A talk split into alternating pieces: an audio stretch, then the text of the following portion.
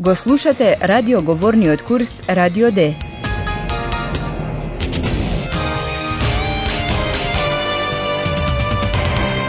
Заеднички проект на Гете институтот и Радио Дојче Веле. Авторка е Херат Мезе.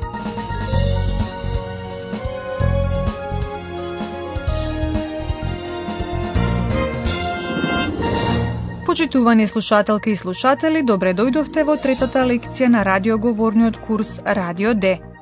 Денес би сакале подобро да ве запознаеме со главните ликови од курсов и да ви откриеме каде се одува дејството. За оваа цел слушнете прво една сцена која веќе ја познавате.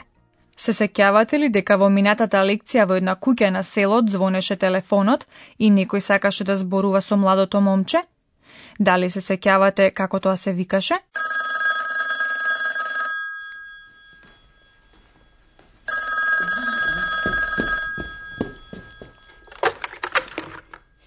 Philipp? Ja, der ist da. Einen Moment bitte. Philipp! Ja? Telefon! Was? Telefon! Wer?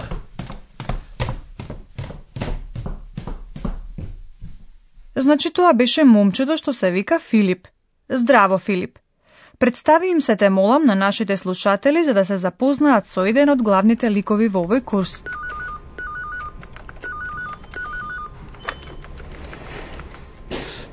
Hallo. Супер, ке сакаш нешто повеќе да ни кажеш? Hallo, ich bin Philipp. Да го оставиме. Очигледно има други проблеми во главата и не му се зборува многу. Кога Филип пристигна во селото, тој поздрави една жена.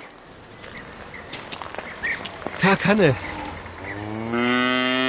На телефон, жената се представи со своето име и презиме.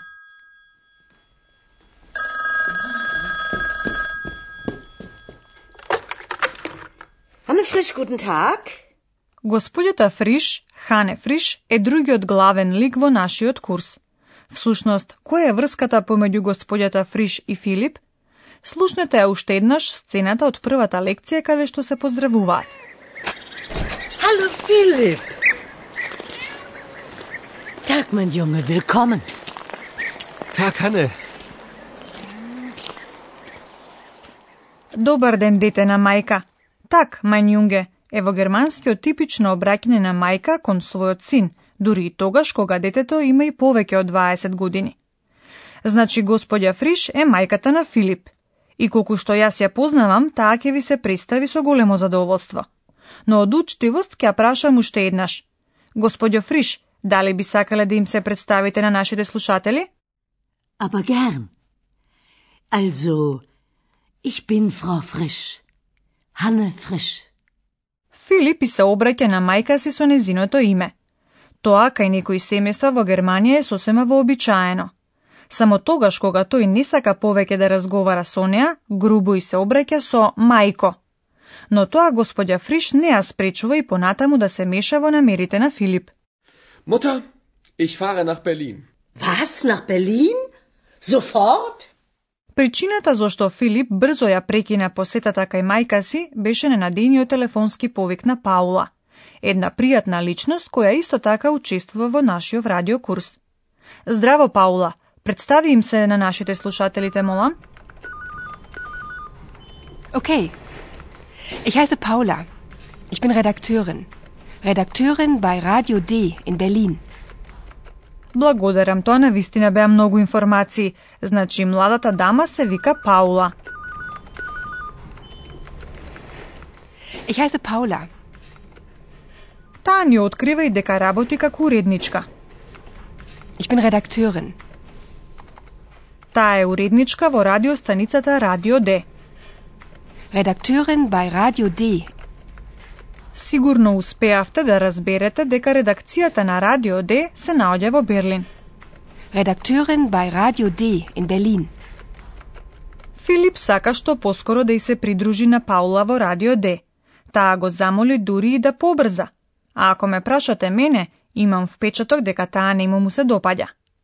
Тој прво мора да вози со својот автомобил до Минхен, а оттаму ќе лета за Берлин. да му се придружиме најнапред на патот кон Минхен. Тој во автомобилот со големо задоволство слуша радио.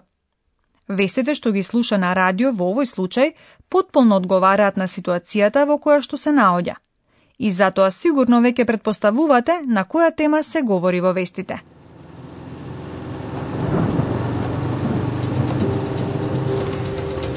Radio D. Das Wetter. Tief Tim bringt heftige Regenfälle und Gewitter nach Bayern. Regen, Gewitter.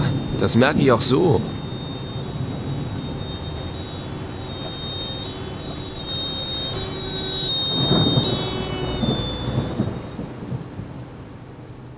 Темата на вестите беше времето. Како и секогаш, кога човек се брза, како во нашиот случај Филип, одненадеж започнува да врне, или пак се спрема невреме. Тоа не само што е непријатно при возењето, туку е и причина да се вози особено бавно и внимателно. Тогаш дури ни радиото не може да го утеши. Слушнете уште еднаш која радиостаница ја слуша Филип. Radio D. Das Wetter. Тоа беше Радио Д, а во редакцијата на Радио Д се одвива дејството на овој курс. Како што веќе знаете, Паула работи во оваа редакција, а исто така го слушнавте веќе незиниот колега Ајхан. Здраво, Ајхан. Слушателите сака да го слушнат твојот глас. Oh, sorry. Entschuldigung. Äh, mein Name ist Eihan. Ich arbeite auch bei Radio D. На Ајхан добро би му дошла нова столица, или пак да ја подмачка старата. Тогаш не би морал да ви се извинува. Oh, sorry. Entschuldigung. Во редакцијата работи и нашиот професор, кој во моментов... Стоп, таму слушам шумови. Тоа би можело да биде само...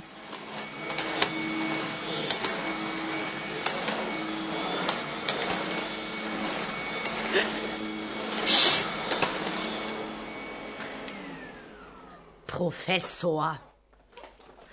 Immer der Professor. Und ich? Und ich? Ich bin auch bei Radio D. Да, тоа беше Јозефине, уште еден лик од нашиот курс. Подоцна подобро ќе ја запознаете, но сега е на вистина крајно време за нашиот професор. Денес сигурно има многу да се објасни, нели професоре? Да, да, изборот на вистина не беше лесен. Но кога ќе размислам, сметам дека денеска нема потреба да се занимаваме со детали од германскиот јазик. Und nun kommt unser Professor. Radio D. Gespräch über Sprache.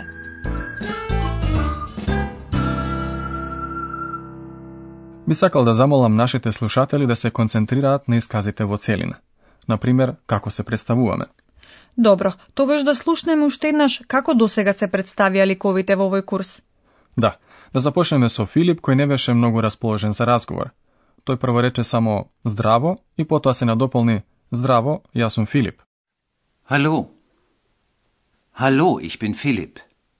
Добро, здраво е прилично колоквијален израз. При тоа е сосема нормално да се представиме со нашето име, а не со презимето. Hallo. Hallo, ich bin Philipp. Точно, поздравот здраво е вообичаен меѓу пријатели. Мајката на Филип пак се представи со своето име и презиме.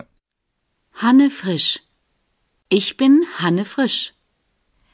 Also, ich bin Frau Frisch. Hanne Frisch. Но на вистина не е вообичаено самите да се представите со зборот господја? Да, во право сте. Вообичаено се вели јас се викам или моето име е. Mein Name ist. Mein Name ist Frisch. А тоа може да се поврзе и со името и со презимето. Ајха, например, се представи со своето име. Mein Name ist Eihan. Mein Name ist Eihan. Тоа важи за формулацијата јас се викам. И тука може да се користи името, презимето или пак и двете заедно. Помладите луѓе најчесто се одлучуваат само за името, како на пример Паула. Ich heiße. Ich heiße Paula. Ich heiße Paula. Вие, драги слушатели, дознавте за различните можности за представување. Слушнете ги сега уште еднаш. Ich bin Philipp. Ich bin Hanne Frisch. Mein Name ist Eihan. Ich heiße Paula. Mein Name ist Bisera. Ich bin Bisera. Ich heiße Goran.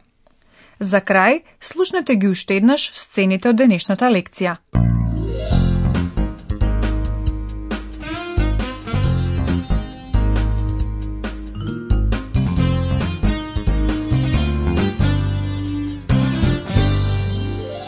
Слушнете ги прво сцените во кои главните ликови од нашиот курс се представуваат.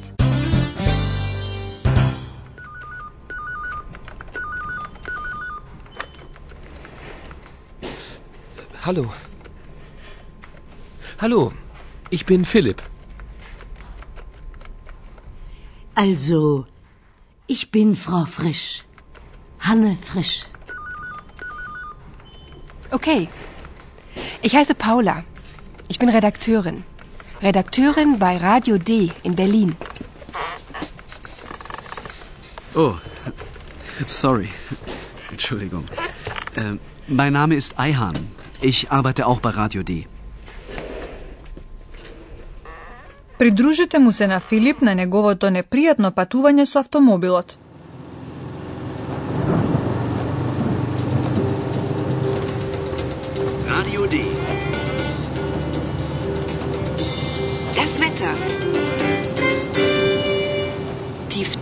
bringt heftige Regenfälle und Gewitter nach Bayern. Regen, Gewitter. Das merke ich auch so.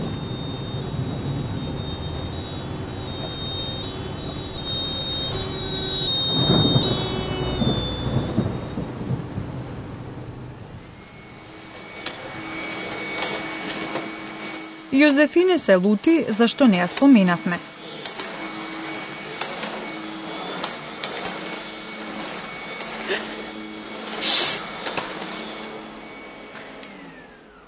Professor.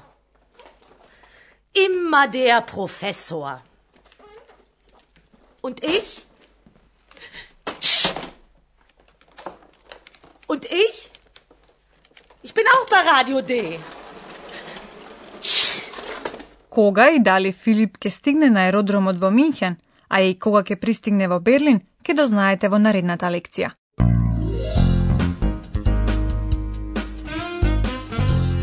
Zum nächsten Mal, liebe Hörerinnen und Hörer.